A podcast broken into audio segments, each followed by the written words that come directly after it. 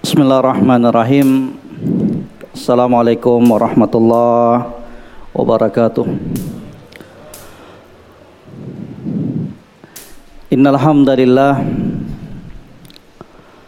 nahmaduhu wa nasta'inuhu wa nastaghfiruh wa na'udzu billahi min shururi anfusina wa sayyiati a'malina may yahdihillahu fala mudhillalah wa may yudlil fala hadiyalah wa ashhadu an la ilaha illallah wahdahu la syarikalah iqrara bihi wa tauhida. Wa ashhadu anna muhammadan abduhu wa rasuluh yaqulu rabbuna azza wa jalla fi kitabihil karim ya ayyuhalladzina amanu taqullaha haqqa tuqatih wa la tamutunna illa wa antum muslimun يا أيها الناس اتقوا ربكم الذي خلقكم من نفس واحدة وخلق منها زوجها وبث منهما رجالا كثيرا ونساء واتقوا الله الذي تساءلون به والأرham إن الله كان عليكم رقيبا يا أيها الذين آمنوا اتقوا الله وقولوا قولا سديدا يصلح لكم أعمالكم ويغفر لكم ذنوبكم وما يطع الله ورسوله فقد فاز فوزا عظيما. أما بعد فإن خير الحديث كتاب الله وخير الهدي هدي محمد صلى الله عليه وسلم. وشر الأمور محدثاتها وكل محدثة بدعة وكل بدعة ضلالة وكل ضلالة في النار Alhamdulillah jamaah sekalian kaum muslimin dan muslimah yang kami muliakan rahimani wa rahimakumullah merupakan kenikmatan yang besar untuk kita duduk bersama di masjid ini Masjid Jannatul Firdaus. Walhamdulillah duduk sejenak menunggu masuknya waktu sholat isya yang kita isi untuk memperdalam agama Allah untuk kita saling mengingatkan satu sama lain dalam perkara kebaikan betapa butuhnya hati ini betapa butuhnya keimanan ini untuk terus dan terus disiram dengan wejangan-wejangan nasihat-nasihat dan ilmu agama. Bahkan itu merupakan kebutuhan yang lebih penting dibanding kebutuhan kita terhadap makanan dan minuman. Ketika seseorang muslim dan muslimah tidak memberikan nutrisi makanan minuman untuk tubuhnya paling banter paling mentok dia bakalan mati. Akan tetapi jika seorang muslim dan muslimah tidak memberikan siraman rohani tidak memberikan siraman ilmu-ilmu agama terhadap jiwanya, hatinya, keimanannya, maka yang mati adalah hatinya. Yang akan mati adalah jiwanya. dan seorang muslim dan muslimah lebih harus dan khawatir lebih harus takut dan khawatir akan kematian hatinya dibandingkan kematian jasmaninya.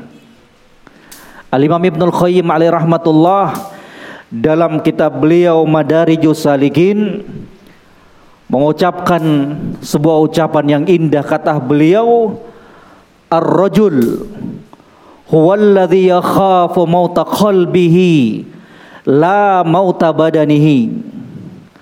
Lelaki yang benar-benar lelaki itu muslim yang benar-benar muslim muslimah yang sebenarnya adalah mereka-mereka yang lebih mengkhawatirkan, lebih takut akan kematian hatinya dibandingkan fisik dan jasmaninya. Kenapa jamaah sekalian? Karena hati inilah, hati inilah yang akan kita bawa sampai kita menghadap Allah Rabbul Alamin. Karena hati inilah merupakan panglimanya untuk seluruh anggota tubuhnya kita. Kalau hatinya kita baik, maka akan baik semua anggota tubuhnya kita. Dari hati yang baik, maka akan bisa mengontrol matanya dari melihat perkara-perkara yang diharamkan oleh Allah Rabbul Alamin. Dari hati yang bersih dan baik, maka lisannya akan terukur dan terarah untuk mengucapkan perkara-perkara yang baik dan meninggalkan perkara-perkara yang bisa mendatangkan kemudaratan bahaya untuk dirinya.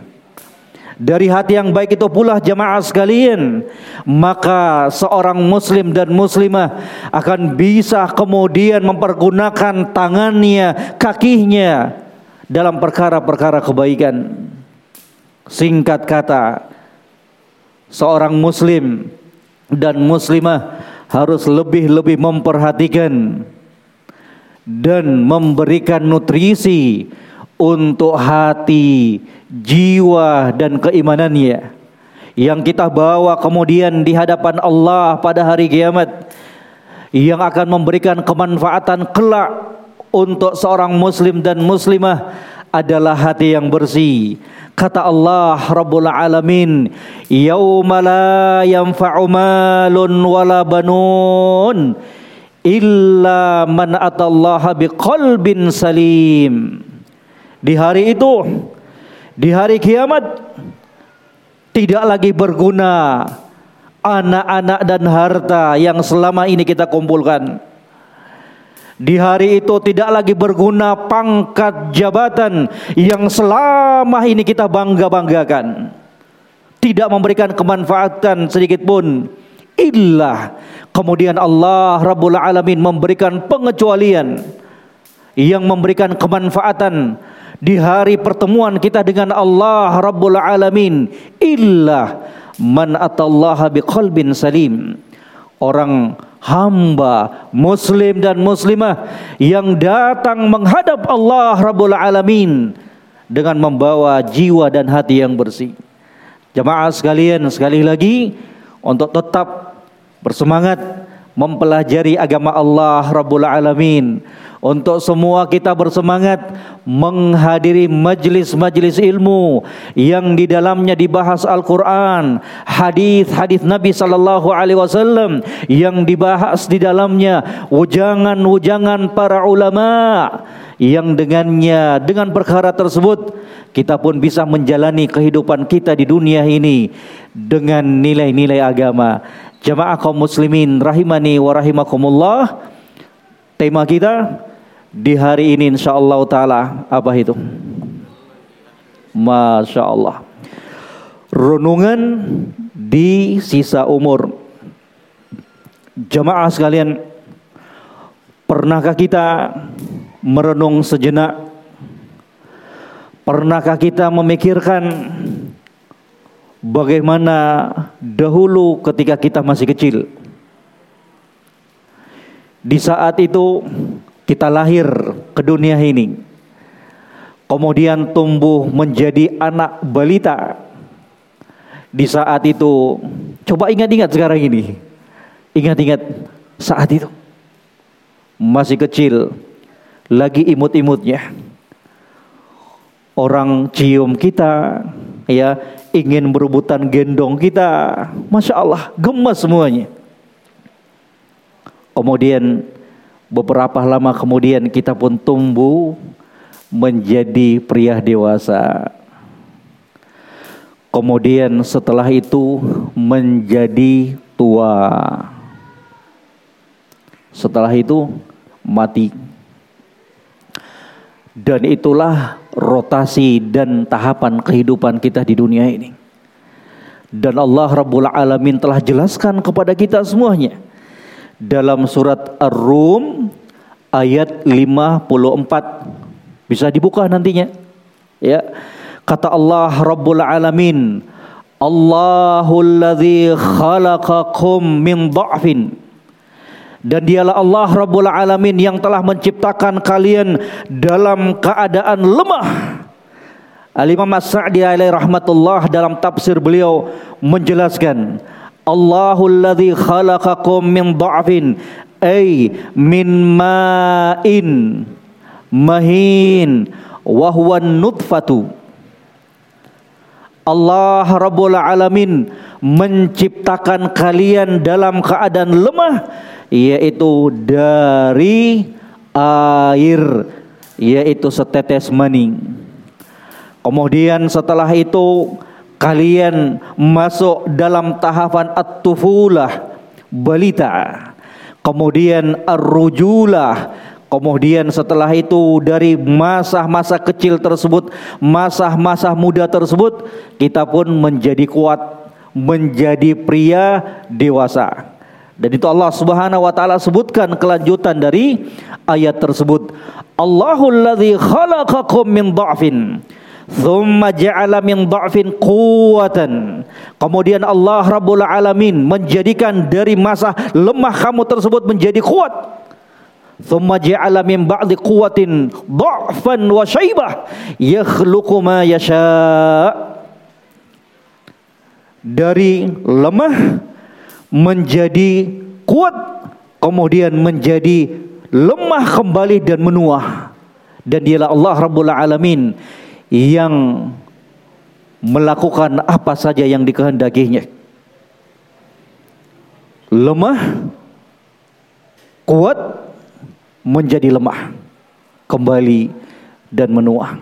Coba pernah nggak kita renungkan dan pikirkan merhala kehidupan kita ini jemaah sekalian? Pernah nggak? Dulu kita kuat, dulu badannya masya Allah, Ya. Ada enam roti nih. Ya. Dulu, dulu. Sekarang bulat. Ya. Ataukah tertinggal satu tapi ukurannya besar. Pernah nggak kita pikirkan jamaah sekalian? Pernah nggak kita renungkan semuanya itu? Apa yang kita rasakan dan kita lihat dari tubuhnya kita? Itu sudah cukup untuk memberikan pelajaran kepada kita. Makanya Allah kembali mengingatkan kita dalam surat Az-Zariyat ayat 21. Wa fi anfusikum afala tubsirun. Dan di dalam diri kalian, di dalam tubuh kalian itu ada pelajaran, ada peringatan. Tidakkah kalian melihat semuanya itu? Tadi kan kita masih muda. Tadinya rambut kita mulai tumbuh, sekarang mulai berguguran. Yang tadinya hitam mengkilat kemudian menjadi putih. Yang tadinya gigihnya putih, rapi, kuat, satu persatu mulai pamitan. Yang tadinya kulitnya Masya Allah kencangnya luar biasa Sekarang mulai kendor dan keriput Tidakkah kita berpikir ke semuanya itu jamaah sekalian Tidakkah itu memberikan pelajaran untuk kita semuanya? Untuk kita mulai berpikir, kemudian berpikir lagi, ya Rob, ternyata usiaku terus bertambah. Ya Rob, ternyata masa berlakuku di dunia ini semakin berkurang. Jadi aneh bin ajaib. Kayaknya kurang masuk akal tuh kalau ada orang yang bertambah umurnya, berkurang masa berlakunya di dunia ini, marah asik merayakannya. Iya kan? Ini secara akal aja tertolak.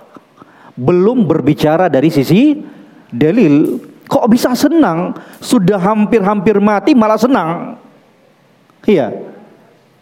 Maka dipikirkan jamaah sekalian. Iya, dipikirkan semuanya itu. Ternyata seiring bertambahnya usia kita, maka kita pun semakin dekat dengan ajal kematiannya kita. Maka jangan main-main lagi. Terlebih khusus, terlebih khusus maaf yang sudah berusia 40 tahun ke atas. Terlebih khusus yang sudah berumur dan diberikan usia oleh Allah 40 tahun ke atas. Harusnya lebih banyak berpikir harusnya lebih banyak merenung akan kehidupan dia di dunia dan setelah kematiannya. Makanya Allah Rabbul Alamin lagi-lagi mengingatkan kita dalam surat Al-Ahqaf ayat 15 16 Kata Allah Rabbul Alamin, hatta idza balagha ashuddahu wa balagha arba'ina sanatan.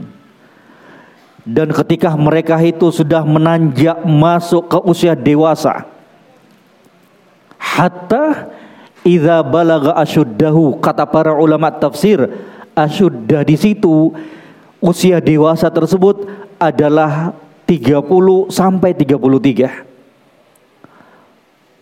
wa balagha arba'ina sana dan mereka sampai di usia 40 tahun ini usia lagi matang-matangnya seseorang.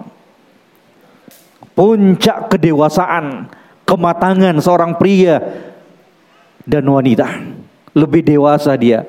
Yang dahulunya senangnya terburu-buru, tergesa-gesa ketika masuk di usia 40 lebih matang dia, lebih tenang dalam menghadapi sesuatu. Apa kata Allah Subhanahu wa taala? Untuk orang-orang yang seperti ini ya, Pak? Qala rabbi auzi'ni an ashkura ni'mataka alladhi an'amta alayya wa ala walidayya wa an a'mala salihan tardahu wa aslih li fi dhurriyyati. Inni tubtu ilaik wa inni minal muslimin. Lihat Kata Allah Rabbul Alamin dan ketika mereka sampai di usia 40 tahun maka mereka berdoa meminta kepada Allah Rabbul Alamin wahai Allah tunjukkanlah kepadaku untuk aku senantiasa bersyukur terhadap nikmat-nikmatmu. Berarti apa? Untuk orang-orang yang sudah masuk usia 40 tahun maka banyak-banyak bersyukur kepada Allah Subhanahu wa taala karena Allah sudah memberikan kesempatan hidup yang lebih untuk kita banyak bersyukur. Banyak bersyukur. Allah Rabbul Alamin masih memberikan kesempatan hidup dengan memperpanjang usianya kita. Alhamdulillah kita nggak mati disebabkan COVID. Masih diberikan kesempatan hidup. Artinya apa? Peluang untuk memperbanyak amalan soleh terbuka lebar di hadapannya kita. Bersyukur bersyukur. Ya. Kemudian apa? Banyak bersyukur. Kemudian wa an a'mala salihan tardahu. Tunjuki aku hai Allah untuk aku melakukan amalan-amalan soleh yang engkau ridhoi. Jadi bapak-bapak sekalian, ibu-ibu sekalian, jamaah sekalian, kaum muslimin dan muslimat, kalau sudah masuk 40 tahun, mari memperbanyak amalan soleh. Bukan berarti yang mudah-mudah masih santai, enggak demikian. Tapi ini semuanya berlaku untuk kita, terlebih khusus untuk mereka-mereka yang sudah berumur 40 tahun ke atas. Perbanyak amalan soleh. Jangki lagi banyak main-main. Jangan lagi banyak lalai.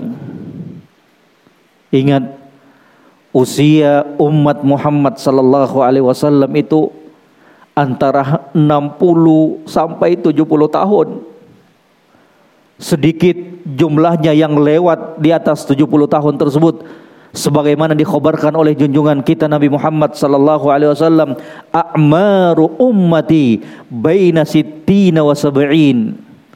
Umur umatku itu rata-rata 60 sampai 70 tahun Maka jamaah sekalian perbanyak ada peluang-peluang sekecil apa pun untuk melakukan amalan kebaikan lakukan. Jangan ditunda-tunda, jangan pernah diremehkan. Kalau ada peluang sekecil apa pun untuk melakukan amalan kebaikan, jangan pernah ditunda-tunda dan jangan diremehkan. Kenapa? Karena terkadang kesempatan tidak kembali untuk kedua kalinya. Kenapa jangan diremehkan? Karena kita tidak tahu bisa jadi amalan kecil yang kita anggap sepele tersebut yang dianggap kecil dari penglihatan dan pandangan manusia ternyata mulia di sisi Allah Rabbul Alamin. Maka jamaah sekalian kaum muslimin dan muslimat nasihat untuk kita semuanya Selagi Allah Rabbul Alamin memberikan kesempatan hidup tersebut, maka mari berlomba-lomba untuk melakukan amalan kebaikan, amalan soleh, amalan yang akan kita bawa untuk menghadap Allah Tabaraka wa Ta'ala. Lihat bagaimana menyesalnya orang-orang yang diseret dan dicemplungkan ke dalam neraka Allah Subhanahu wa taala. Lihat bagaimana angan-angan, cita-cita, impian yang mereka ajukan kepada Allah tabaraka wa taala setelah mereka merasakan dahsyatnya neraka tersebut. Di dalam Al-Qur'anul Karim kata Allah tabaraka wa taala, "Wa hum yastarikhuna fiha, Rabbana akhrijna na'mal salihan ghairal ladzi kunna na'mal." Ketika itu kata Allah Rabbul Alamin penduduk neraka, penduduk neraka berteriak sejadi-jadinya.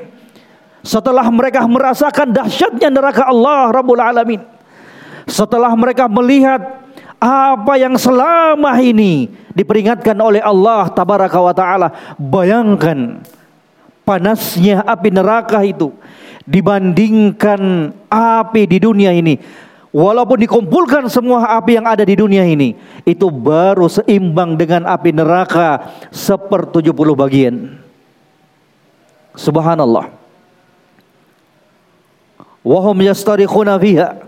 Mereka teriak sejadi-jadinya di dalam neraka tersebut. Sembari mengatakan, Akhrijna, Ya Allah, Ya Rabb, keluarkan kami dari tempat ini. Satu permintaannya mereka. Satu angan-angannya mereka jamaah sekalian.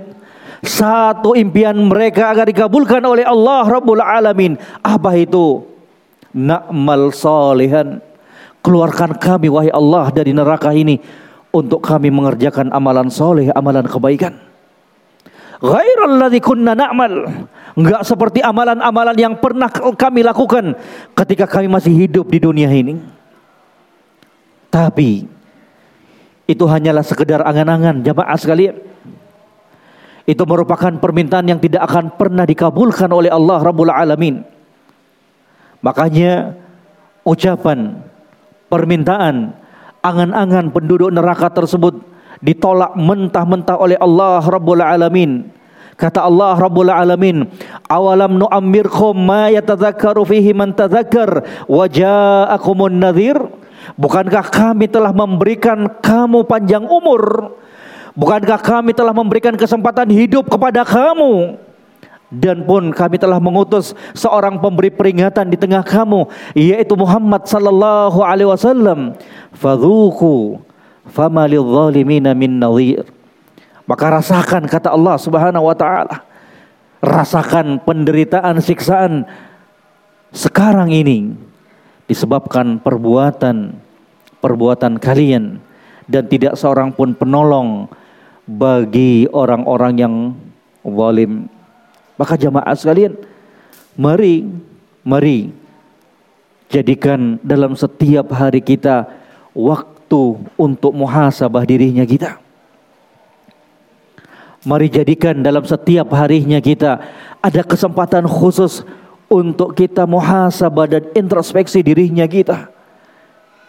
Siapa kita dibandingkan para sahabat Nabi sallallahu alaihi wasallam yang mereka sudah mendapatkan rekomendasi dari Allah Subhanahu wa taala dan rasulnya.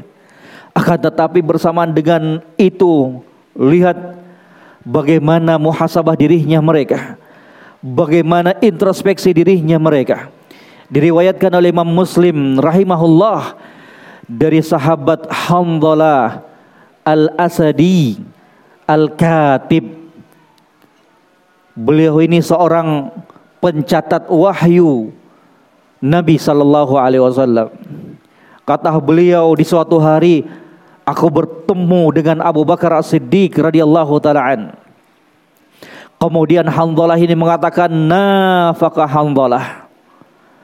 Sungguh di dalam diri Hamdalah ini wahai Abu Bakar terdapat sifat-sifat kemunafikan. Kaget Abu Bakar. Kaget Abu Bakar Siddiq radhiyallahu taala mendengarkan ucapannya Hamdalah ini. Kata beliau, Subhanallah, ma taqul. Maha suci Allah. Kok kamu ngomong gitu? Wahai Hamdalah. Ada apa? Kata Hamdalah radhiyallahu taala an, nakunu inda Rasulillah sallallahu alaihi wasallam yudzakkiruna bil janna wan nar ka'anna ra'ya ainin. Ketika kami duduk bersama Nabi sallallahu alaihi wasallam dan beliau mengingatkan kami tentang surga dan neraka, maka seakan-akan surga dan neraka itu berada di pelupuk matanya kami. Akan tetapi kata beliau, falamma kharajna min indi Rasulillah sallallahu alaihi wasallam afasnal aulad wal amwal wal azwaj wal dayyat nasina kathira. Ketika kami duduk bersama Nabi sallallahu alaihi wasallam mendengarkan nasihat-nasihat dari Nabi sallallahu alaihi wasallam mendengarkan taujihat dari Nabi sallallahu alaihi wasallam, mendengarkan petuah-petuah dari Nabi sallallahu alaihi wasallam tentang surga dan neraka, seakan-akan surga dan neraka itu berada di mata kami. Akan tetapi giliran kami keluar dari majelis Nabi sallallahu alaihi wasallam, kami kembali berkumpul bersama istri, anak dan urusan-urusan dunianya kami, maka kami pun banyak menjadi orang-orang yang lalai. Apa ini namanya? Muhasabah, introspeksi diri. Siapa ini jamaah sekalian? Hah? Alhamdulillah sahabat yang mulia. Salah satu sahabat yang dipercayakan untuk menulis wahyu dari Allah Subhanahu wa taala. Subhanallah. Kata Abu Bakar Siddiq, "Inna lanal khamith lahadha." Kaget Abu Bakar Siddiq mendengarkan ucapan Hamdalah. Kalau bahasa Makassarnya, ih sama Jeki.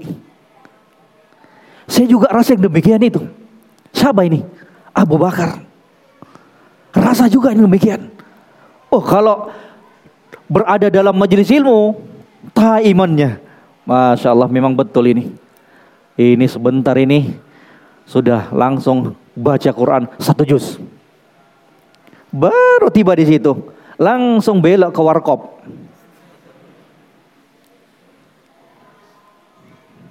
Itu siapa tadi? Abu Bakar As-Siddiq radhiyallahu taala. Ngaku dia. Itu gentle namanya. Akui. Ya subhanallah, alhamdulillah sama Jeki. Saya juga rasakan itu. Subhanallah. Dalam keadaan siapa? Abu Bakar sudah diberikan rekomendasi oleh Nabi sallallahu alaihi wasallam Abu Bakrin fil jannah. Abu Bakar itu di surga. Sudah dapat stempel. Stempel. Lah kita. Kita. Jamaah sekalian. Nabi itu yang ucapkan tuh. Dari wahyu yang diwahyukan oleh Allah Rabbul Alamin. Abu Bakar fil jannah. Abu Bakar itu tempatnya di surga Allah Subhanahu wa taala. Subhanallah.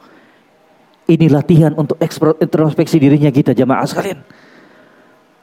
Ini bahan muhasabah untuk dirinya kita. Jangan sampai kita masuk dari orang-orang yang difonis rugi oleh Allah Rabbul Alamin. Coba buka tuh dalam surat Al-Munafiqun ayat 9 sampai 11. Allah Rabbul Alamin mengingatkan kita semuanya ya ayyuhalladzina amanu la tulhikum amwalukum wala auladukum an dzikrillah wa may yaf'al dzalik fa ulaika humul khasirun. Wahai orang-orang yang beriman kata Allah Subhanahu wa taala, jangan pernah jangan pernah kata Allah Subhanahu wa taala, jangan pernah anak-anak kamu, harta kamu, perniagaan kamu, bisnis kamu, jabatan kamu, pangkat kamu, urusan kamu, kesemuanya itu melalaikan kamu dari Allah Rabbul Alamin. Dari mengingat Allah Rabbul Alamin dari mengingat dan menjalankan kewajiban kamu sebagai hamba Allah Subhanahu wa taala. Wa may yaf'al dzalik barang siapa yang melakukan semua itu, barang siapa yang terlalaikan dari ketaatan kepada Allah Subhanahu wa taala, barang siapa yang terlalaikan dari berzikir mengingat Allah Subhanahu wa taala, Barang siapa yang terlalaikan dari kewajibannya sebagai hamba Allah Rabbul Alamin disebabkan anak-anaknya, hartanya, bisnisnya, pangkatnya, jabatannya dan perkara-perkara dunia lainnya. Faulaika humul khasirun. Maka sungguh mereka adalah orang-orang yang merugi. Siapa yang memfonis merugi ini? Allah Subhanahu wa taala. Maka jangan jamaah sekalian. Mari berpikir. Kembali pikirkan hakikat dan tujuan penciptaannya kita di dunia ini. Kita diciptakan oleh Allah untuk beribadah kepadanya. Kita diciptakan oleh Allah Subhanahu wa taala di dunia ini untuk menghambakan diri kepadanya, bukan untuk menghambakan diri dan menjadikan anak-anak dari dunia ini. Jadi hamba dunia naudzubillah. Ya. Maka diperhatikan. Oh, kalau begitu udah tutup besok toko saya. Gak mau lagi jualan. Ya, ummahat udah saya udah kapok nih nggak mau lagi jualan online. Gak demikian. Ya, silakan berbisnis silakan. Iya, bekerja silakan akan tetapi kesemuanya itu jangan pernah untuk apa? Melalaikan kita dari kewajiban kita sebagai hamba Allah. Jangan sampai kesemuanya itu kemudian melalaikan kita dari berzikir mengingat Allah Subhanahu wa taala. Makanya kelanjutan akhir dari hadis Hamdalah tersebut kata Nabi sallallahu alaihi wasallam walakin ya Hamdalah saatan saatan akan tetapi wahai hamdalah ada saatnya ini, ada saatnya ini, ada waktunya untuk ini, ada waktunya untuk itu. Ada waktunya untuk kita berbisnis, ada waktunya untuk kita bekerja mencari nafkah, ada waktunya untuk kita beribadah, ada waktunya untuk kita bercengkrama dengan istri dan anak-anaknya kita. Intinya, kesemua itu jangan sampai kemudian melalaikan kita dari mengingat Allah dan beribadah kepadanya. Jadikan dunia itu nomor dua, jadikan ibadah dan akhiratnya kita nomor satu. Ini pria-pria dan wanita yang hebat. Ya, waktunya sudah masuk beribadah, tinggalkan urusan dunianya kita. Nomor satu kan ibadahnya kita kepada Allah Subhanahu wa taala. Mulai saat ini. Mari berpikir dan merenung yang dahulunya yang dahulunya ya jarang membaca Al-Qur'an mulai saat ini mari rajin membaca Al-Qur'anul Karim yang tadinya hanyut dalam beragam kegiatan-kegiatan yang tidak bermanfaat dunia dan akhirat maka tinggalkan itu yang bahaya lagi itu ya itu yang bahaya. Kata Al-Imam Al-Hasan Al-Basri rahimahullah, min alamati i'radillahi 'alal 'abd ayyaj'ala syughlahu fi ma la ya'ni. Termasuk salah satu tanda berpalingnya Allah Subhanahu wa taala dari seorang hamba. Ini yang lebih bahaya ini. Kalau Allah Rabbul Alamin sudah berpaling dari kita. Apalagi di usia-usia tuanya kita. Salah satu tanda, alamat, indikasi Allah Subhanahu wa taala berpaling dari seorang hamba. Allah abaikan hamba tersebut. Apa tandanya? Allah jadikan kesibukan dia dalam perkara-perkara yang tidak memberikan kemanfaatan dunia dan akhiratnya. Hati-hati. Ya, hati-hati. Makanya sekarang berpikir jamaah sekalian, kaum muslimin dan muslim berpikir, kalau berbuat itu berpikir. Kalau melakukan sebuah perbuatan berpikir, ini ada kebaikannya enggak? Ada manfaatnya enggak untuk diri saya, dunia saya dan akhiratnya saya.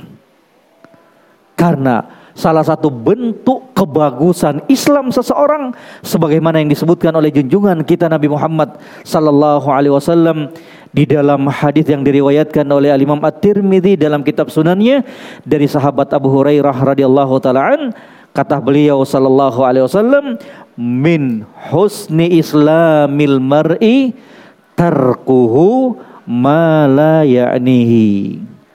Termasuk salah satu tanda bagusnya Islam seseorang adalah dia meninggalkan perkara-perkara yang tidak memberikan kemanfaatan untuk dirinya dalam kehidupan dunia dan akhiratnya. Jadi sekarang sekali lagi mari renungkan dari sisa umur yang telah diberikan oleh Allah Subhanahu wa taala ini untuk kita memperbanyak amalan kebaikan dan meninggalkan kebiasaan-kebiasaan jeleknya kita. Mari menghiasi dirinya kita dengan amalan kebaikan. Dari memperbanyak membaca Al-Quranul Karim. Mari akui kita lalai semuanya. Mari kita akui kita lalai semuanya dari membaca Al-Quranul Karim. Mulai sekarang ambil cari mushafnya kita. Mari sekarang basahi lisannya kita untuk terus berzikir mengingat Allah Subhanahu wa taala betapa ringannya amalan zikir kepada Allah Subhanahu wa taala itu tidak memerlukan tenaga, tidak memerlukan modal harta, tapi begitu malasnya kita jamaah sekalian. Betapa lalainya kita jamaah sekalian dari berzikir mengingat Allah Subhanahu wa taala. Mari hidupkan kembali salatul lail yang selama ini kita tinggalkan. Makanya Nabi sallallahu alaihi wasallam mencela, "Ya Abdullah, la takun mithla fulan kana yaqumu milal lail fataraka qiyamal lail." Wahai Abdullah, jangan pernah kamu seperti orang itu dahulunya semangat rajin bangun di tengah malam salat tahajud, kemudian sekarang dia tidak pernah lagi untuk salat tahajud. Ya paling minimal jamaah sekalian kaum muslimin dan muslimat nasihat untuk kita semuanya paling minimal jangan tinggalkan salat witir. Itu paling minimal sudah.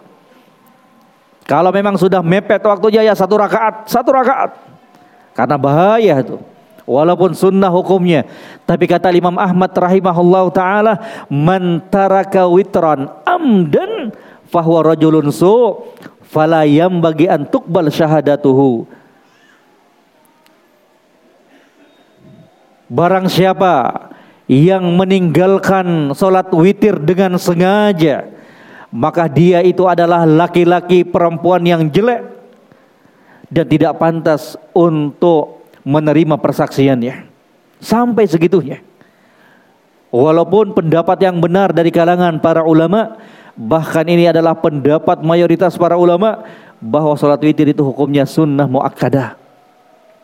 Sunnah yang sangat ditekankan tapi tidak sepantasnya bagi seorang muslim dan muslimah untuk meninggalkannya.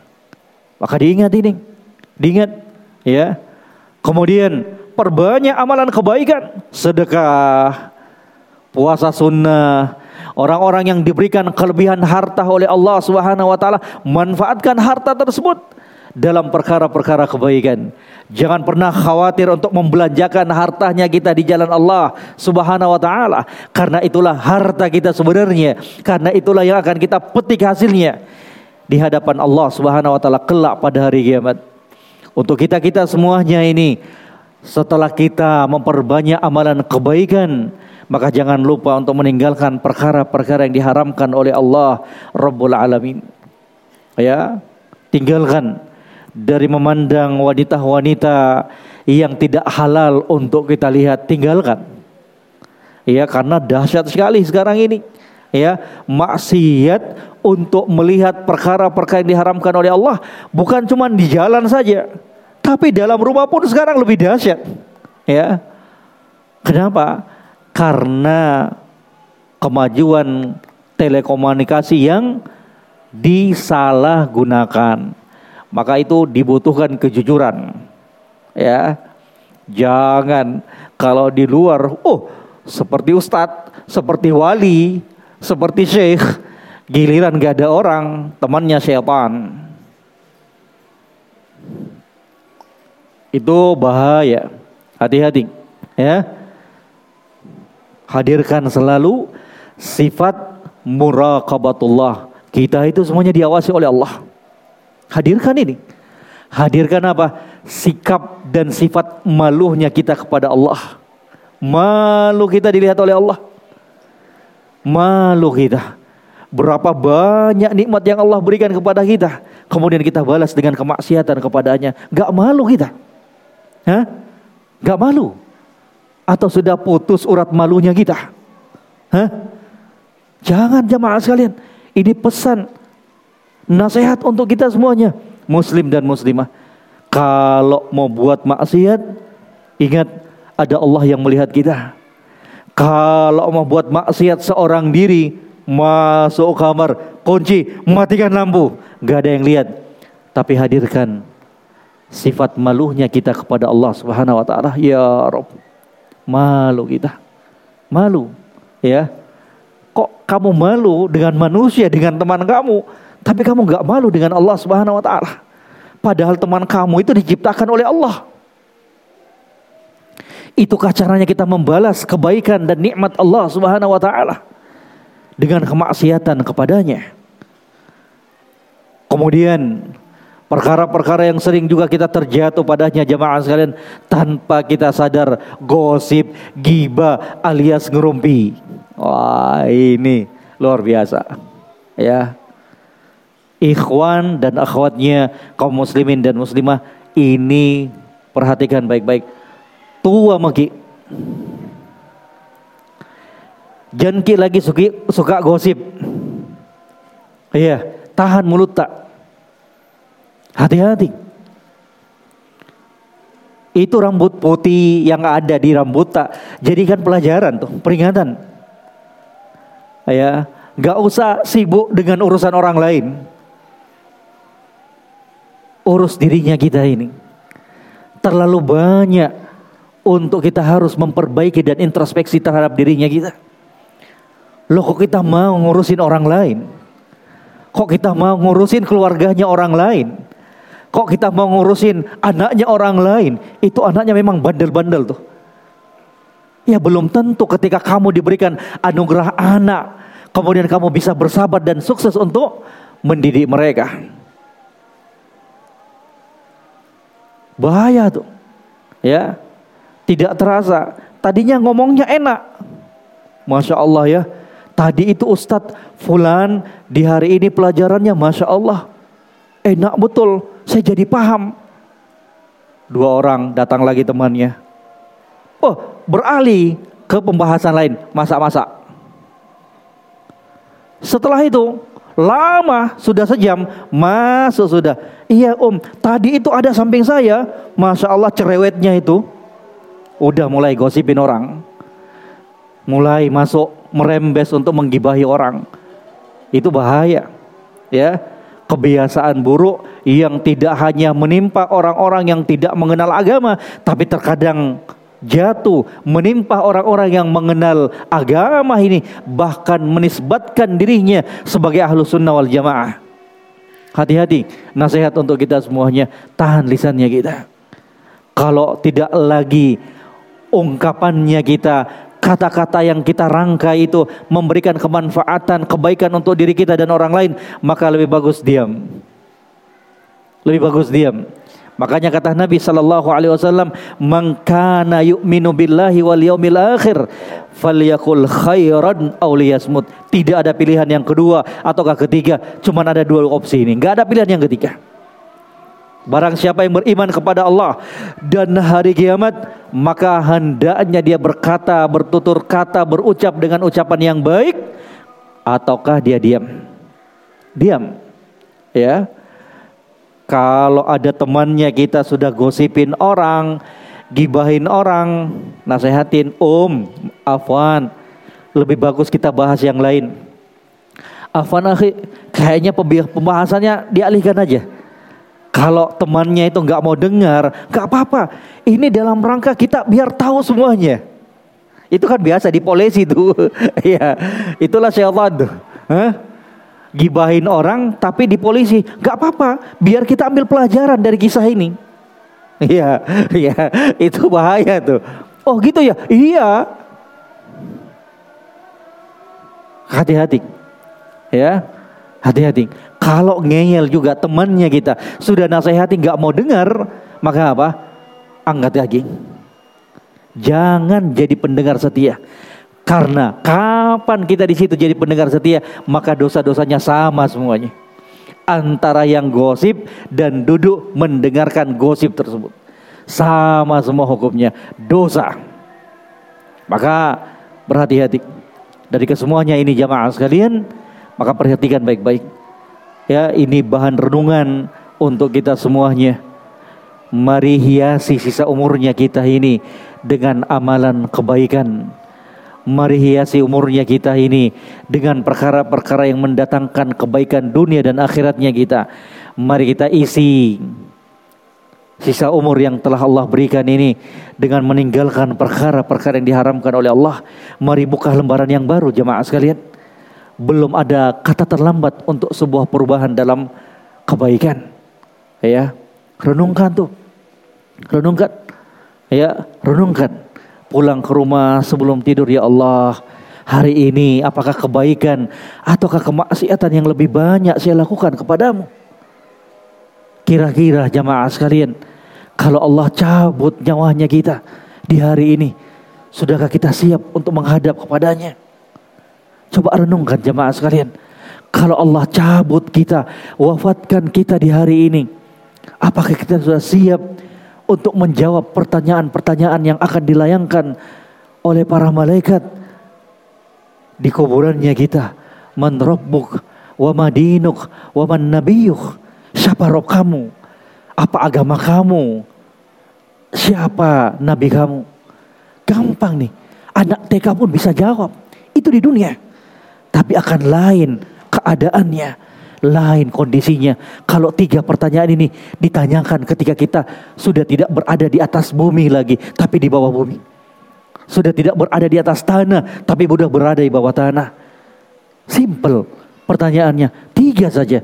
Tapi barang siapa yang tidak sukses menjawab tiga pertanyaan ini, maka setelahnya itu penderitaan yang dahsyat, yang lebih dahsyat yang akan dia terima. Sebaliknya, Barang siapa yang sukses menerima menjawab tiga pertanyaan ini, maka kemudahan demi kemudahan, kebaikan demi kebaikan, kenikmatan demi kenikmatan yang akan dia rasakan.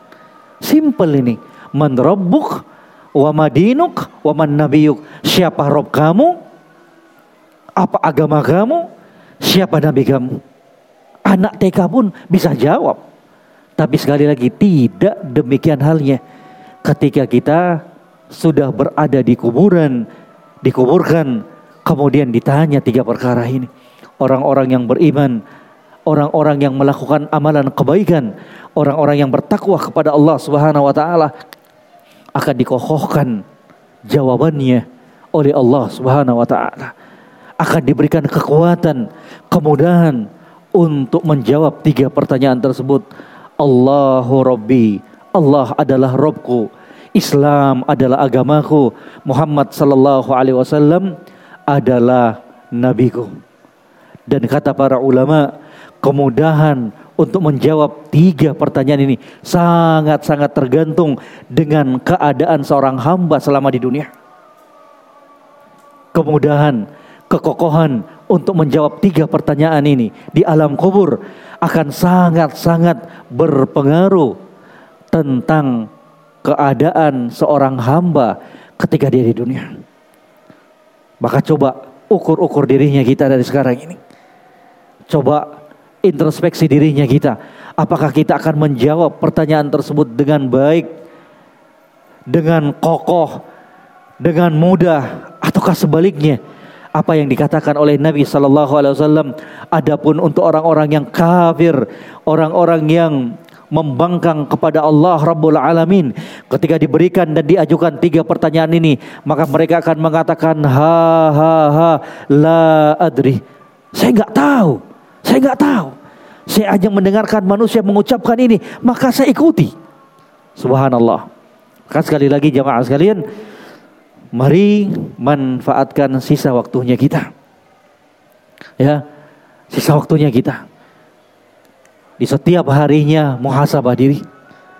Ya, muhasabah dirinya kita. Perbanyak amalan kebaikan dan jauhi hindarkan dirinya kita dari perkara-perkara kemaksiatan. Untuk ikhwa-ikhwa para ummahat yang lebih 40 tahun maka harus harus lebih banyak bertobat kepada Allah Subhanahu wa taala. Banyak-banyak beristighfar kepada Allah Subhanahu wa taala. Semoga apa yang singkat ini jemaah sekalian memberikan kebaikan untuk kita semuanya. Dan insya Allah taala kita azan dulu, kumandangkan azan, kemudian kita lanjutkan sedikit dengan sesi tanya jawab. Wallahu taala alam bisawab. Ilahuna subhanakallah bihamdik asyhadu an la ilaha illa anta astaghfiruka wa atubu ilaik. Wassalamualaikum warahmatullahi wabarakatuh. Nanti umahatnya, umahatnya kaum muslimah yang memiliki pertanyaan yang mau diajukan nanti tulis di kertas barakallahu fiik wallahu taala alam. Mana muadzinnya? Bismillahirrahmanirrahim. Uh, kita baca ya. Ini ada beberapa pertanyaan yang masuk. Semoga Allah Rabbul Alamin memberikan taufik untuk menjawab pertanyaan-pertanyaan tersebut. Bismillah. Apakah jika kita bermaksiat kepada Allah lalu bertaubat apakah kelak di akhirat Allah Rabbul Alamin tetap akan tampakkan semua maksiat tersebut? Maksiat yang kita lakukan. Syukron wa jazakallahu khairan. Afwan wa iyyak. Barakallahu fik. Ini pertanyaannya bagus ya. Gimana tuh kalau ada seorang muslim ataukah muslimah terjatuh dalam dosa dan kemaksiatan ya kemudian dia bertobat kepada Allah Subhanahu wa taala. Jadi sebelum menjawab ini perlu diperhatikan ya bahwa untuk tobat yang benar-benar tobat kategorinya itu apabila memenuhi beberapa persyaratan yang disebutkan oleh para ulama. Yang pertama, ini pembahasan dosa yang berkaitan antara hamba tersebut dengan Allah Subhanahu wa taala. Jadi ada dua dosa. Ada dosa antara seorang hamba dengan Allah Subhanahu wa taala dan dosa seorang hamba kepada hamba yang lainnya. Itu harus dibedakan. Ya.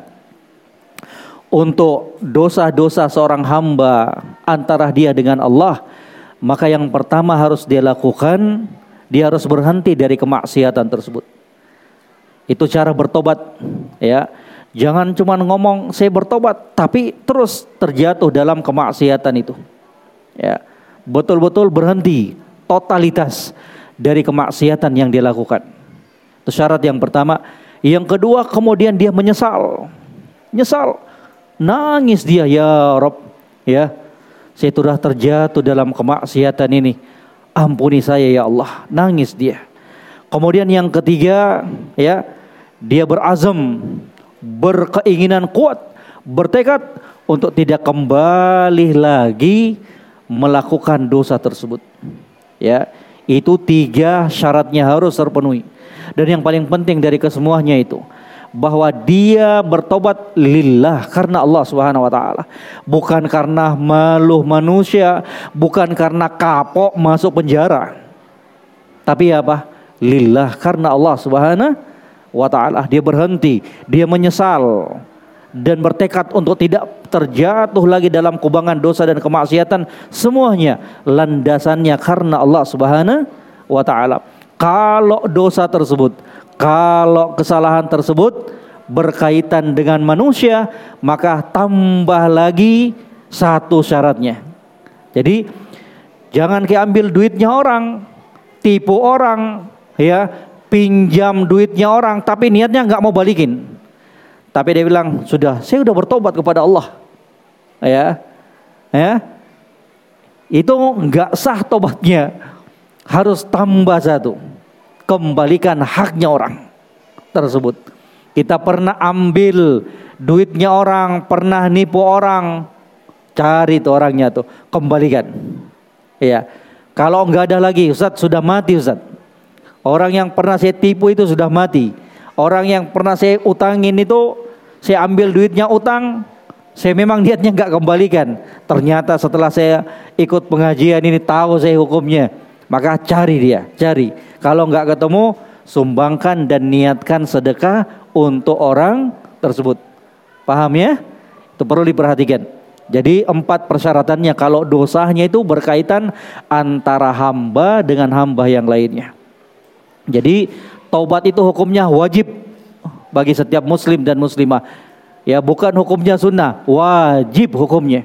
Makanya ingat-ingat dosa-dosa yang pernah kita lakukan ya karena banyak banyak di antara kita ya mungkin sudah merasa aman saya kan sudah kenal tauhid ya saya kan sudah kenal dakwah sunnah maka kemudian dia terlupakan dengan dosa-dosa kemaksiatan yang lalu-lalu yang pernah dia lakukan diingat-ingat untuk kita memperbanyak istighfarnya kita kepada Allah, untuk memperbanyak tobatnya kita kepada Allah dan memperbanyak amalan kebaikan sebagai ganti dari dosa-dosa yang pernah kita lakukan di masa lalunya kita. Buka lembaran yang baru.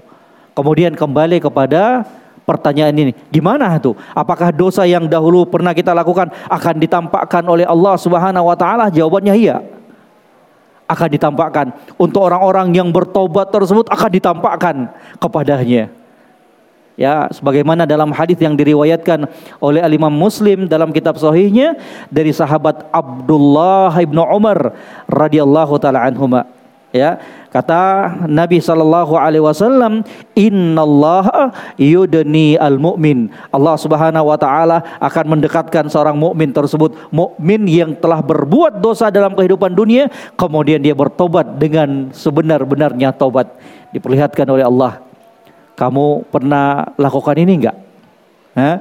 Ditanya oleh Allah Subhanahu wa taala, dosa ini, dosa itu ini hamba yang jujur hamba yang sudah bertobat, iya wahai Allah. Sampai-sampai dia merasa bahwa dia itu akan binasa disebabkan dosa yang pernah dia lakukan. Kemudian ya kata Allah Subhanahu wa taala Al-yawm di hari ini satartuh saya telah tutupi dosa-dosa kamu tersebut. Subhanallah. Saya telah saya sudah ampuni dosa-dosa kamu tersebut. Subhanallah. Maha pengampunnya Allah Subhanahu wa taala maka jangan pernah berputus asa. Ya, sekelabu apa pun masa lalunya kita jamaah sekalian untuk teman-teman kaum muslimin dan muslimat sekalian, seberapa jahatnya kita yang dahulu, maka jangan pernah berputus asa dari rahmat Allah Subhanahu wa taala. Mari bangkit untuk memulai membuka lembaran baru dalam kehidupannya kita. Ya, mari bertobat, dari perkara-perkara yang dahulunya kita pernah terjatuh dalam kubangan dosa dan kemaksiatan. Jangan pernah berputus asa. Rahmat Allah lebih luas dibandingkan dosa dan kemaksiatan yang kita lakukan selama kita ingin kembali kepada Allah Subhanahu wa taala.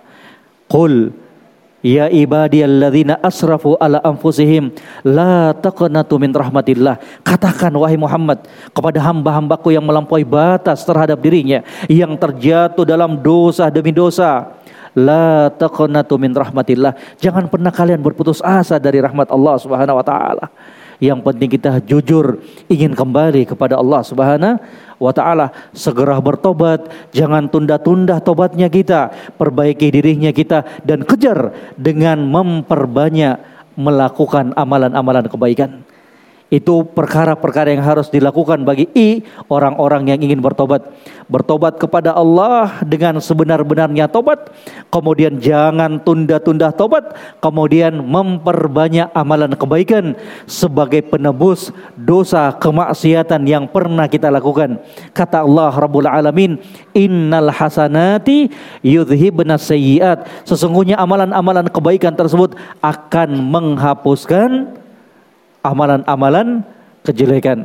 Jadi itu jadi kesempatan hidup yang telah diberikan oleh Allah mari kita isi dengan amalan-amalan kebaikan untuk melebur dosa-dosa dan kemaksiatan yang pernah kita lakukan. Wallahu taala a'lam barakallahu fik.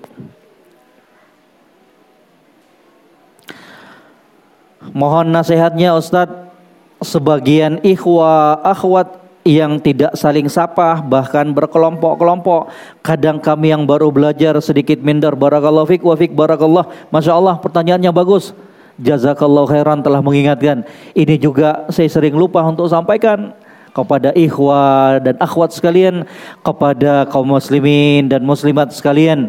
Tebarkan salam tebarkan salam untuk orang-orang dari kalangan kaum muslimin baik yang kita kenal maupun yang tidak kenal Jangan cuma tebarkan salam kepada teman yang kita kenal saja.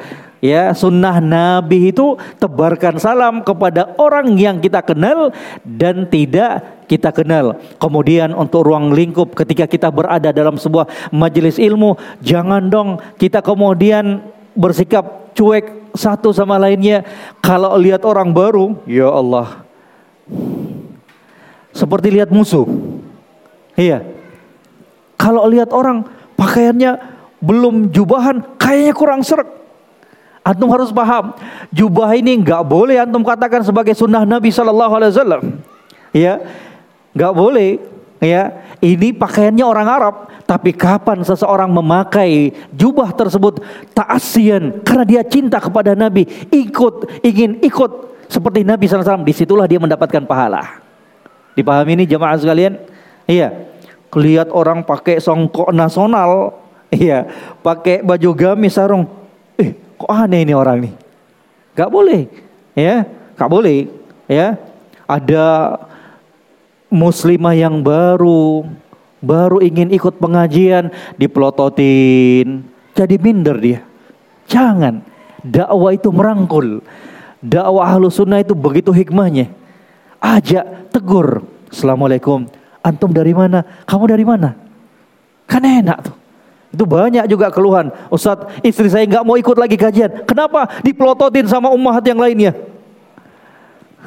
Iya katanya. Ini bukan dongeng, kisah nyata. Iya. Akhirnya trauma istri saya. Jadi nasihat untuk ikhwah dan akhwat sekalian, para ummahat diperhatikan nih. Bayangkan kalau dengan sapaannya kita tersebut kemudian membuat orang tersebut senang dan mau bersabar untuk belajar dengan akhlaknya kita tersebut kemudian dia tertarik untuk mendalami agama Allah menjadi amal jariah buat kita. La ayyahdiyallahu bika rajulan wahidan khairun laka min humrin na'am. Dengan sebab kamu seseorang bisa mengenal hidayah, mendapatkan hidayah, mengenal Islam ini lebih baik maka itu lebih bagus dibandingkan unta merah. Lambang kemegahan di zaman Nabi Shallallahu Alaihi Wasallam ditegur. Ya, dakwah sunnah itu bukan eksklusif, enggak. Harus dibuang jauh-jauh ini. Ya, siapa masyarakatnya kita, orang tuanya kita di masjid, jangan oh kayak Syekhul Islam. Ya, kayak Ibnul Qayyim, kayak ulama besar aja. Masuk masjid, orang tua di situ disapa. Bagaimanapun dia, orang tua, bagaimanapun bentuknya mereka, tetap orang tuanya kita. Orang tua dari kalangan kaum muslimin. Maka kepada ikhwah sekalian, kepada akhwat sekalian, mari berdakwah dengan dakwah akhlaknya kita. Karena itu terkadang lebih menyentuh dibandingkan ribuan kata yang kita bingkai dalam kemasan yang bagus. Jago khutbah, jago ceramah, tapi akhlaknya ya Allah minta ampun. Kan ini buat fitnah kepada orang tuanya, suaminya, istrinya, tetangganya. Jadi dong teladan buat kita terhadap orang tuanya kita. Tunjukkan akhlak yang mulia. Terlebih kita yang telah mengenal sunnah ini. Kepada teman-temannya kita. Kepada siapa? Tetangganya kita. Tunjukkan akhlak yang yang mulia. Makanya kata para ulama berdakwah dengan akhlak tersebut terkadang lebih menyentuh dibandingkan berdakwah dengan kata-kata. Subhanallah. Ini harus diperhatikan. Ada orang baru ditegur. Assalamualaikum. Antum dari mana? Kan enak. Antum senyum saja sudah pahala. Belum ngomong, baru senyum. Uh, enak. Coba kalau baru masuk kodong dia di sini, langsung dia mau pulang juga nggak tahu jalan ya sudah malam coba baru masuk antum apa senyum itu sudah sedekah Kata Nabi sallallahu alaihi wasallam, "La tahkiranna syai'an minal ma'ruf walau antalqa akhaka biwajhin tolik." Jangan pernah remehkan yang namanya kebaikan itu. Walaupun engkau ketika bertemu dengan saudara kamu, kamu dalam keadaan berbuka manis. Jangan ketika ketemu cewek saja baru tersenyum. Ketemu laki-laki malah masam wajahnya. Ini kebalik nih, gak waras nih. Iya, makanya sekali lagi nasihat untuk semuanya. Ya paling minimal di samping kita itu. Kiri kanannya kita tegur. Assalamualaikum. Antum dari mana? Masya Allah. Barakallahu fiq. Ya semoga kita sama-sama tetap istiqomah belajar. Jangan tunjukkan. Kamu baru kenal ya? Hah? Kenal sunnah? Saya udah lama di sini. Lama tapi belum bisa baca kitab. Ya, harus jadi cambokan juga tuh. Ah, ah, jangan sombong, jangan tertipu. Ya, bisa jadi orang yang baru tersebut lebih mulia di sisi Allah Subhanahu Wa Taala. Gak ada jaminan kita yang sudah lama ini kemudian mendapatkan tempat yang mulia di sisi Allah gak ada jaminan. Iya, jadi umahat sekali lagi umahat barakallahu fikunna ditegur, disapa, ya mari berdakwah dengan akhlaknya kita. Bahwa tugas dakwah itu bukan juga hanya tugasnya ustadz ulama tapi mari kita mengambil bagian dari dakwah tersebut. Setiap bagian dari kita ambil bagian dari dakwah tersebut. Ya ditegur tuh ditegur. Ya sekali lagi jangan jadikan ahlu sunnah dakwah tauhid itu sebagai dakwah yang kelihatannya eksklusif berkelompok-kelompok enggak. Ya harus tegur, tunjukkan akhlaknya kita bersama tetangganya kita, temannya kita. Jangan berkelompok-kelompok. Ya, jangan berkelompok-kelompok. Masya Allah ini pertanyaannya bagus. Barakallahu fiqh.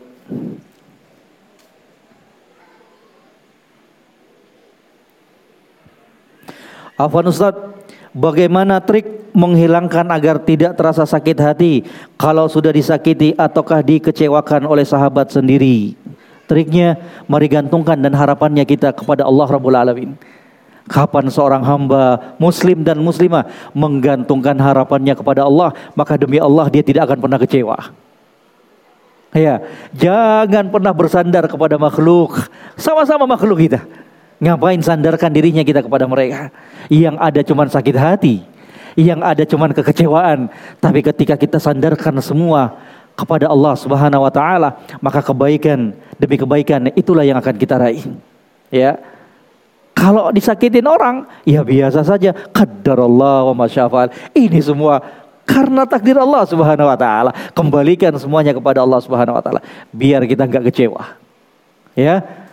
Sekali lagi tanamkan itu penyandaran dirinya kita kepada Allah Subhanahu wa taala. Tanamkan sidqu i'timadil qalb lillahi azza wa jalla. Penyandaran yang jujur kepada Allah Subhanahu wa taala. Jadi kalau ada orang yang kecewakan kita, biasa, cuek. Jangan masukkan di hati, apalagi menjadi manusia-manusia baperan.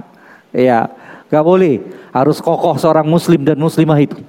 Ya, jangan menjadi orang-orang yang baperan. Ya, ustadz yang baperan, gak boleh. Ustadz harus kokoh. Iya. Baru diceritain sama jamaahnya loyo ngambek. Iya. ah, ikut pengajian, ngisi pengajian. Yang hadir cuma tiga orang, bubar. Ya. Siapa lu? Hah? Gak boleh. Pengurus dakwah, pengurus dakwah, gak boleh baperan. Harus kuat semuanya. Ya, Jangan pernah mundur gara-gara sindiran orang, gara-gara ngomongan orang. Selama itu adalah kebenaran, maju terus karena yang kita harapkan ridho Allah Subhanahu wa taala. Maju terus. Mari satukan visi misinya kita bahwa dakwah tersebut membutuhkan ta'awun. Kita mampu dengan hartanya kita, sumbangkan hartanya kita. Kita mampu dengan pikirannya kita sumbangkan pikirannya kita. Kita mampu dengan tenaganya kita untuk dakwah ini lakukan. Intan surullah yansurkum wa yuthabbit aqdamakum. Bantu agama Allah. Niscaya Allah Subhanahu wa taala akan membantu kalian dan mengokohkan kedudukan kalian. Kita butuh untuk ta'awun semuanya, kerjasama yang kuat untuk mendakwakan agama Allah Subhanahu wa taala. Kalau kita berpecah akan lemah kita. Lemah kita. Ya, lemah kita. Maka sekali lagi nasihat untuk kita semuanya. Nasihat untuk kita semuanya. Ya, mari gantungkan semua pada Allah Subhanahu wa taala. Mari berharap dengan harapan kepada Allah Subhanahu wa taala biar kita gak kecewa. Barakallahu fiik wallahu taala alam.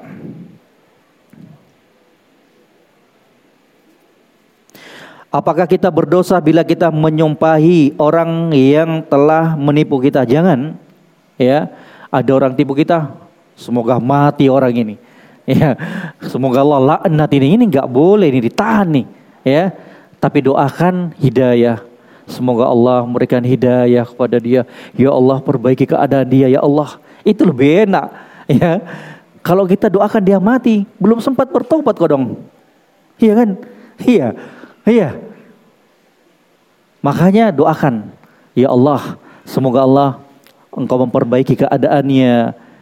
Semoga engkau memberikan hidayah kepadanya. Ya,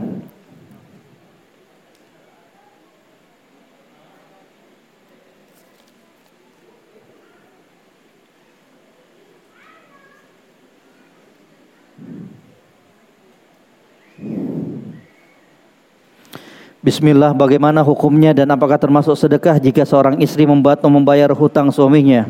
Hutang suaminya sebelum menikah dari hasil uangnya sendiri. Dan jika termasuk sedekah apakah bisa diniatkan untuk orang tua yang sudah meninggal dan juga untuk diri sendiri dan suami? Jazakallahu khairan. Iya itu bagus. Ya jadi perhatikan baik-baik. Hak menafkahi itu di tangan laki-laki suami. Iya tapi kalau ada suami apalagi dalam kondisi pandemi ini kerjanya kadar Allah masyafa'al bisnisnya lagi turun. Kemudian istrinya ada duit ya istrinya ada simpanan ada harta boleh dia sumbangkan kepada suaminya. Itu sedekah itu bagus itu ya. Itu bagus dalam bentuk ta'awun kepada suaminya. Itu perkara kebaikan tuh.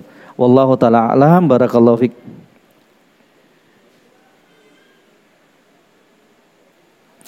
Ustaz bagaimana menyikapi orang tua yang belum paham soal amalan-amalan sunnah?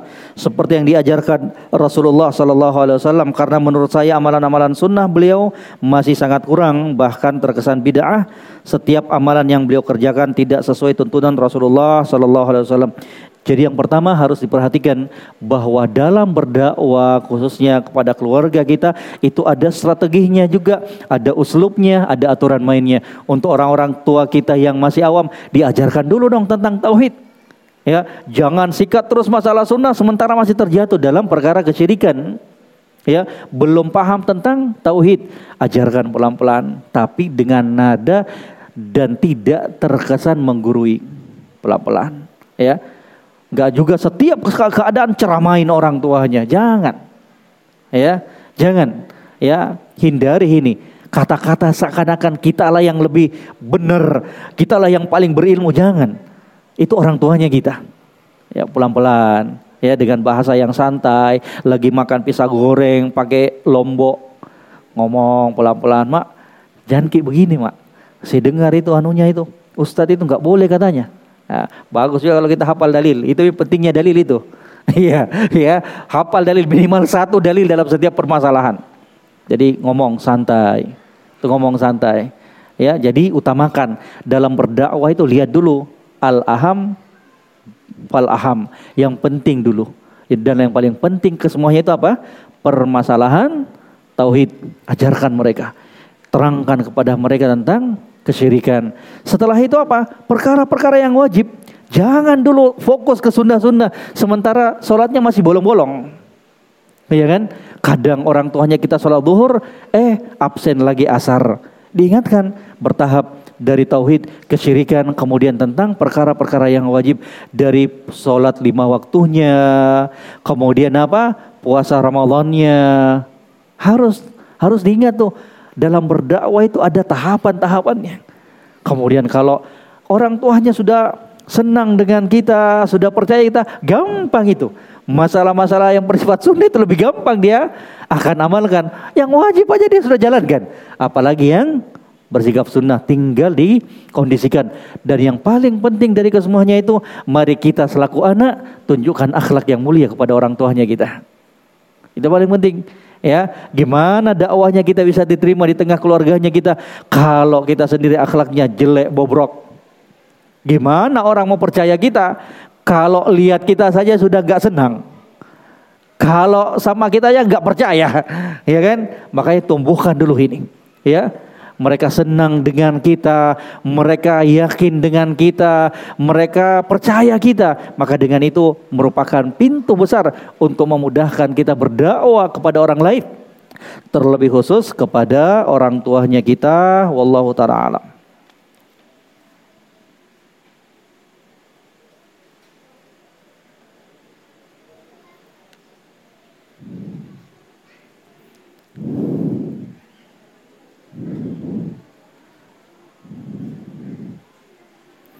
Apa ini ya?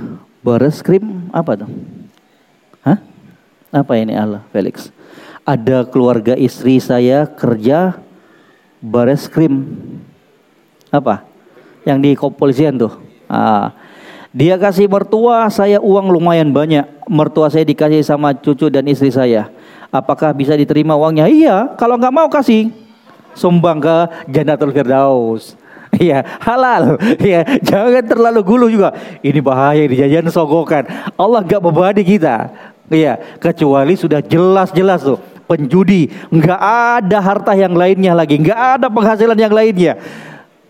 Toh murni dari hasil judi. Kalau ini ya walaupun terjadi khilaf di kalangan para ulama, maka pendapat yang benar tinggalkan. Jangan diterima. Walaupun sebagian para ulama mengatakan terima saja dia halal sebagai pemberian dari kita, haram dari dosanya untuk mereka. Paham ini? Apalagi ini yang orang kita nggak tahu, nggak ada itu. Setiap orang berikan kita duit, hadiah, ini dari mana, hari? Hah? Gak boleh itu namanya takalluf. Kata Nabi SAW, halakal mutanatti'un. Binasa orang-orang yang ekstrim dalam agama ini. Setiap mau makan, sikir mau makan, kita sembelih gini, bismillah. Hukum asalnya kalau sudah daerah muslim gak usah lagi tanya. Dipahami ini jamaah sekalian. Makanya jangan juga terlalu ekstrim dalam beragama. Bahaya ini. Setiap ada ikhwan yang kasihkan atau keluarganya, wah ini polisi nih, bahaya nih. Jangan-jangan hasil tilang. Hindari itu. Paham ini? Iya. Paham nggak? Ya terima saja, terima. Allah nggak bebani kita untuk nyari tahu. Paham ini jamaah sekalian? Itu dihindari, ya. Kan bisa tersinggung juga orang tuh. Ya. Barakallahu fiik.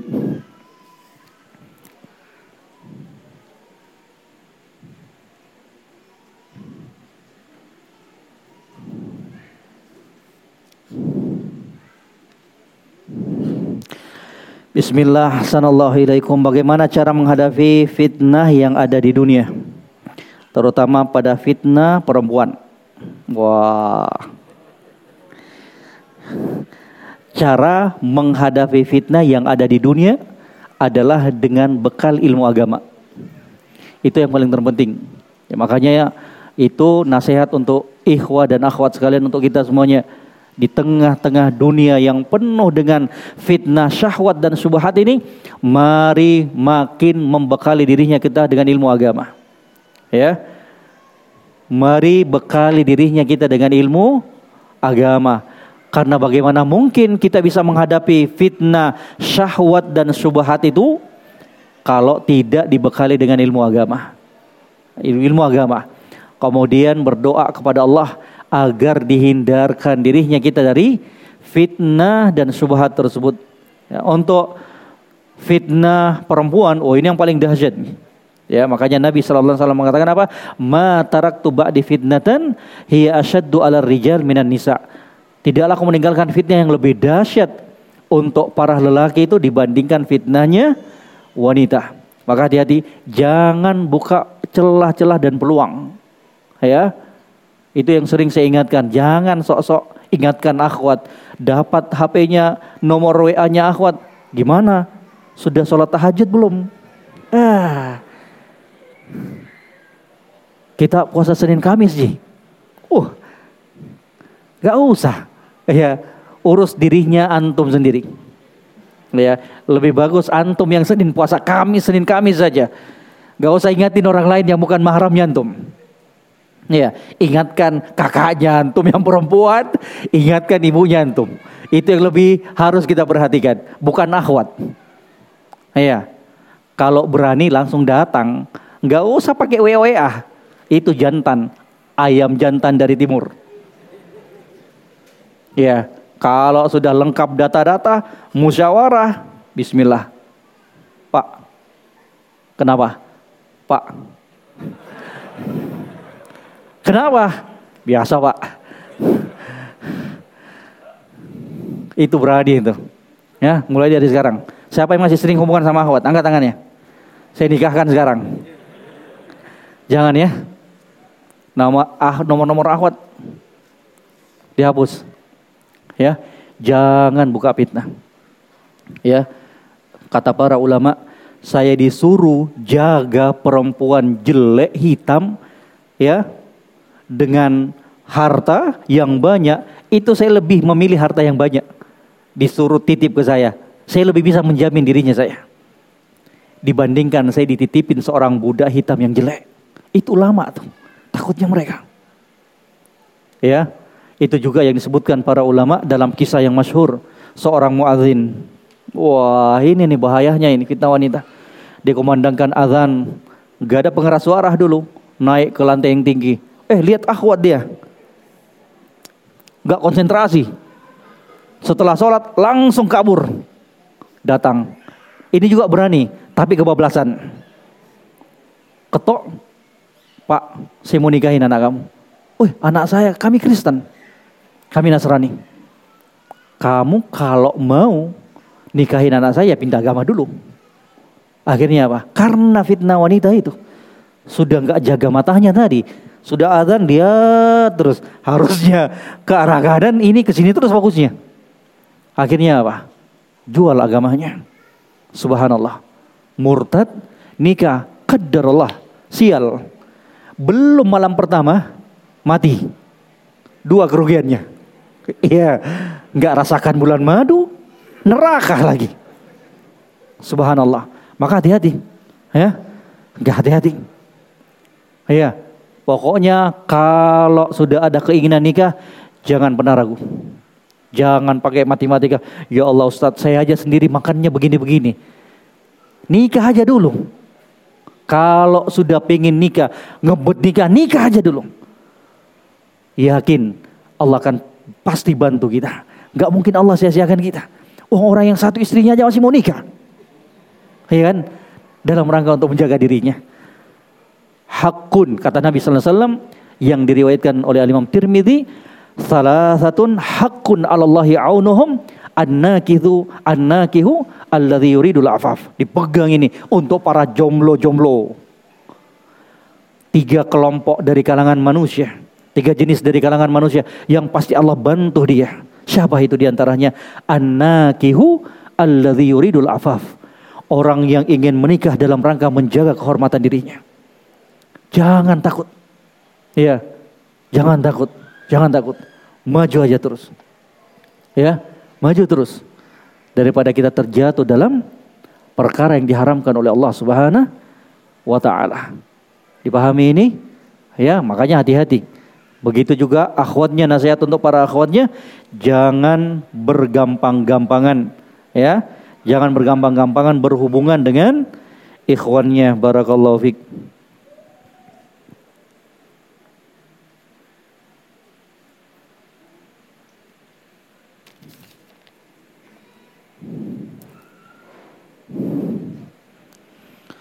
Bismillah, bagaimana hukumnya apabila kita sedang marah lalu kita menahan marah kita dengan cara berwudu lalu pergi mendirikan sholat sunnah dua rakaat? Apakah boleh seperti ya? Boleh.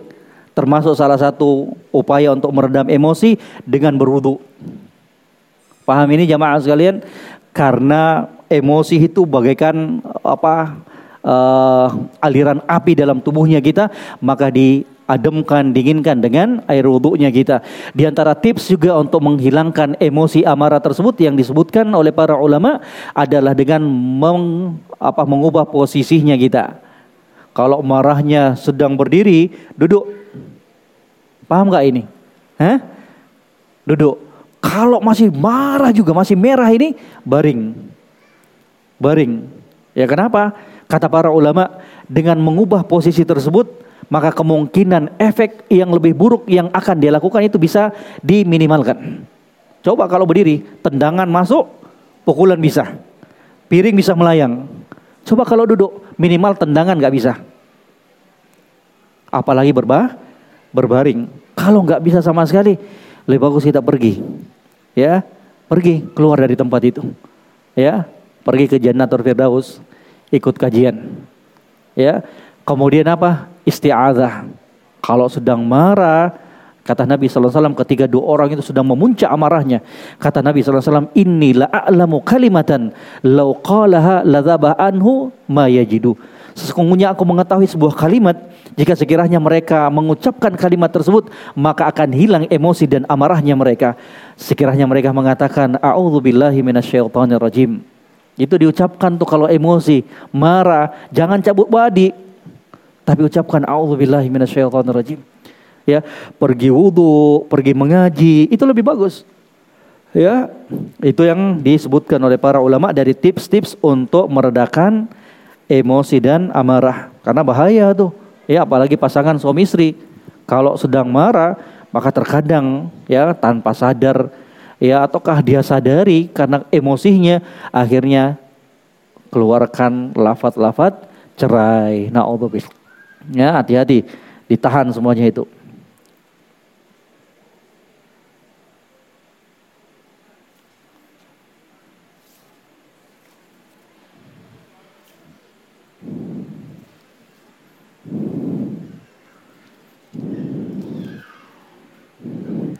Bismillah, bagaimana kiat-kiat menghindari kemaksiatan ketika sendiri? Ya itu tadi telah kita sebutkan di antaranya ya hadirkan dan tanamkan sifat muraqabatullah ya. Hadirkan bahwa kita itu selalu dalam pengawasan dan penglihatan Allah Subhanahu wa taala. Ini mujarab sekali nih ya. Diingat-ingat pesan ini nih. Kalau mau berbuat maksiat ingat tuh Allah lihat kita Allah awasi kita.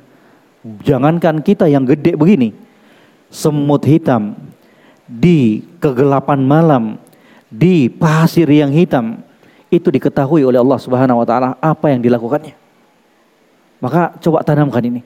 Kemudian yang kedua, tanamkan sifat malunya kita kepada Allah. Ini ibadah yang mulia. Makanya kata Nabi sallallahu alaihi wasallam, "Inna mimma adrakan nas min kalamin nubuwatil ula idza lam tastahi fasna masyita." Kalau kamu tidak punya rasa malu lagi kepada Allah, berbuat kamu sekendak hati kamu. Itu kalau orang-orang yang sudah tidak punya rasa malu lagi kepada Allah Subhanahu wa taala. Kemudian tips yang berikutnya adalah dengan cara apa? Belajar agama, terutama belajar tentang asma wa sifat. Biar kita lebih mengenal Allah Subhanahu wa taala, belajar tentang nama-nama dan sifat-sifat Allah Subhanahu wa taala. Kemudian banyak-banyak berdoa kepada Allah Subhanahu wa taala agar hatinya kita, jiwanya kita senantiasa dibersihkan oleh Allah Subhanahu wa taala. Ya. Barakallahu fiik wallahu taala alam. Bagaimana hukum merayakan ulang tahun organisasi atau ikut berpartisipasi dalam perayaan tersebut ditinggalkan. Jangan ikut wallahu taala alam. Mohon kiat-kiatnya Ustaz agar kita bisa menyebarkan mengajak kepada orang lain niat kita ikhlas untuk menggapai ridho Allah bukan karena ingin dipuji oleh manusia. Ya, sekali lagi ya untuk para uh, dai, para ustadz-ustadz, para pengajar, ya para ikhwah dan akhwat sekalian kaum muslimin dan muslimat sekali lagi tugas dakwah itu tugas kita bersama dan harus ditanamkan dalam dirinya kita mari ambil bagian dari dakwah tersebut karena itu adalah amalan yang mulia makanya Allah sebutkan apa waman ahsanu qaulan mimman da'a ilallah wa amila solihan siapa sih yang paling bagus ucapannya dibandingkan orang-orang yang mengajak manusia ke dalam agama Allah Subhanahu wa taala, amalan yang mulia itu. Ya, sampaikan sesuai dengan apa yang kita miliki. Beligu anni walau ayat. Sampaikan dariku walaupun satu ayat. Apa yang kita ketahui sampaikan. Enggak ketahui bilang wallahu alam, jangan malu-malu. Jangan karena jenggotnya kita panjang ketika ditanya, "Oh, asal jawab." Jangan. Ngomong aja wallahu alam, enggak usah malu. Kalau tahu, jawab. Sebagai bentuk apa? penyebaran ilmu agama sebagai bentuk apa tanggung jawabnya kita untuk mendakwakan agama Allah Subhanahu wa taala kemudian perkara yang lebih penting bahwa di dalam berdakwah kepada manusia mengajak manusia itu kita mengajak manusia ke dalam agama Allah bukan untuk mengajak manusia mengenal kita atau mengharapkan sesuatu dari mereka atau mengharapkan popularitas dari mereka hati-hati ya makanya apa disebutkan apa mimman da'ah ilallah berdakwah ke agama Allah Subhanahu wa taala. Itu menunjukkan ada poin terpenting di situ apa? Keikhlasan. Ya, wa man ahsanu qaulan mimman da'ah ilallah. Siapa yang lebih bagus ucapannya dibandingkan orang-orang yang mengajak ke dalam agama Allah, bukan ngajak ke organisasinya, kelompoknya, dirinya sendiri. Ini nih saya nih. Karena kapan seseorang berdakwah lillah karena Allah Subhanahu wa taala, maka segala konsekuensi dalam dakwanya dia akan lalui dengan tenang, dia akan lalui dengan semangat. Mau banyak orang ikut kajiannya, mau sedikit, mau dihadiri banyak orang, pol masjid ataukah enggak, enggak masalah buat dia. Karena keberhasilan dakwah itu jamaah sekalian bukan diukur dari banyaknya orang yang mengikuti kita. Dipahami ini? Jangan pernah memfonis dakwah seseorang itu selama yang dia dakwakan adalah Al-Quran dan Sunnah di atas pemahaman para salafus soleh, para sahabat dan selain mereka dari kalangan umat ulama umat Islam ini yang terpercaya. Selama mereka berdakwah di atas kebenaran, walaupun sedikit pengikutnya, jangan pernah mengatakan dia itu gagal dalam berdakwah. Karena sekali lagi ukuran keberhasilan dakwah seseorang tidak diukur dengan kuantitas, tidak bukan dengan jumlah. Kenapa? Karena kalau kita bilang gagal berdakwah dia sedikit yang hadir kajiannya. Iya. Maka apakah kita lancang untuk mengatakan para nabi itu gagal dalam berdakwah? Nabi ada yang ratusan, puluhan tahun, yang ikut kodong cuma satu, dua orang, tiga orang. Apakah kita kemudian katakan Nabi itu gagal dalam berdakwah? Kalla wa hasya, kata Syekh Saleh Al-Fauzan hafizahullah. Tidak sama sekali. Ya, tidak sama sekali. Makanya seorang dai juga jangan kemudian tertipu, terberdaya dengan banyaknya orang yang mengikuti kajiannya. Kemudian besar diri, tidak. Yang membukakan hati manusia adalah Allah Subhanahu wa taala yang menjadikan kalimat-kalimat yang kita utarakan itu masuk ke dalam hati mereka adalah Allah Subhanahu wa taala. Bukan kepandaiannya kita, bukan karena ilmunya kita, bukan sama sekali. Wallah wa tallah. Tapi ketika kalimat tersebut, nasihat tersebut lahir dalam hatinya kita yang tulus, maka pun akan mengena ke dalam hati-hati manusia. Itu yang disebutkan oleh para ulama. Ya. Itu yang disebutkan oleh para ulama. Maka sekali lagi kepada ikhwah dan akhwat sekalian, mari ambil bagian dari dakwah ini, mulia ini. Mulia, niatkan semua karena Allah Subhanahu wa taala. Mampu dengan hartanya kita, dengan hartanya kita, mampu dengan tenaganya kita, jago IT, sudah kumpul semuanya di situ untuk menyebarkan agama Allah lillah karena Allah Subhanahu wa taala. Kalau sudah lillah dapat cibiran orang, dapat gosipan orang, gak mempan sama sekali. Ya, makanya kata seorang penyair Arab, "Idza balita bi syakhsin la khalaqalah fakun ka'allakan lam tasma wa lam yakul." Kalau kamu ditimpa dengan orang yang jelek akhlaknya, maka jadilah engkau seakan-akan tidak pernah mendengarkan ucapan tersebut dan seakan-akan dia itu enggak pernah ngomong begitu sama kamu. Cuek aja. Ya, cuek. Ini ada pengumuman mobil BMW nomor plat B 735 LI uh, mohon untuk digeser dulu mobilnya karena menghalangi jalan. Ada yang mau keluar ini. Barakallahu fiik jazakumullah khairan. Ya jadi itu tadi. Ha? makanya saya bilang tadi apa? Dai ustadz penggiat dakwah ya pengurus dakwah. Harus kuat mentalnya. Jangan baperan.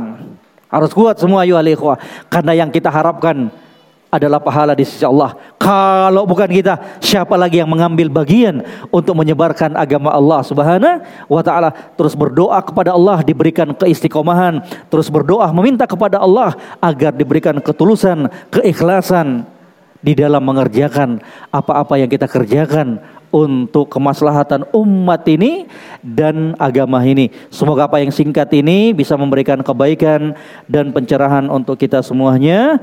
Wa akhiru da'wana anilhamdulillahi rabbil alamin dan tak lupa saya mengucapkan jazakumullahu khairan sebagai wujud pengamalan hadis Nabi sallallahu alaihi wasallam la yashkurullah man la yashkurun nas. Tidak teranggap seseorang itu bersyukur kepada Allah sampai dia berterima kasih atas kebaikan manusia.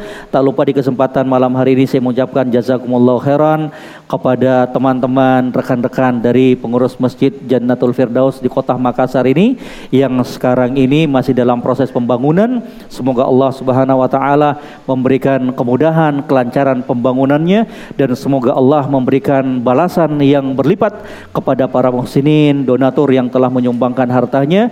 Dan yakin selama kita lakukan keluarkan harta tersebut lillah karena Allah, maka insya Allah taala itulah yang akan memberikan kemanfaatan untuk akhiratnya kita. Demikian pula jazakumullah khairan kepada semua ikhwan dan akhwat yang turut hadir dalam pertemuan ini. Tetap semangat semuanya untuk menghadiri majelis-majelis ilmu Kalian semuanya di kota Makassar di atas nikmat yang besar. Alhamdulillah ada fasilitas tempat belajar kajian, banyak ustadz-ustadz kita yang masya Allah rela dan suka rela untuk memberikan pelajaran buat kita di tempat lain kodong, ya nggak ada masjidnya. Di tempat lain harus datangkan ustadz dari jauh. Lah kita ini tinggal pilih banyaknya kajian di kota Makassar. Maka jaga nikmat tersebut Jangan sampai Allah cabut nikmat tersebut Disebabkan kemaksiatan dan kelalaian kita Untuk tidak bersyukur kepadanya Kata penyair Arab Yang sebagaimana dinukilkan oleh Imam Ibnul Qayyim alaih rahmatullah Iza kunta fi ni'matin far'aha fa innal ma'asi tuzilun ni'am. Kalau kamu berada di atas kenikmatan, jaga kenikmatan tersebut. Jangan kamu tukar kenikmatan tersebut dengan kemaksiatan yang dengannya Allah cabut kenikmatan tersebut dan merubahnya dengan kebinasaan. Jaga, manfaatkan kesempatan tersebut untuk terus menghadiri majelis-majelis ilmu untuk ta'awun dalam perkara kebaikan. Wa akhiru da'wana anilhamdulillahi rabbil alamin. Subhanakallahumma bihamdik. Asyhadu an la ilaha illa anta astaghfiruka wa atubu ilaik. Wassalamu alaikum warahmatullahi wabarakatuh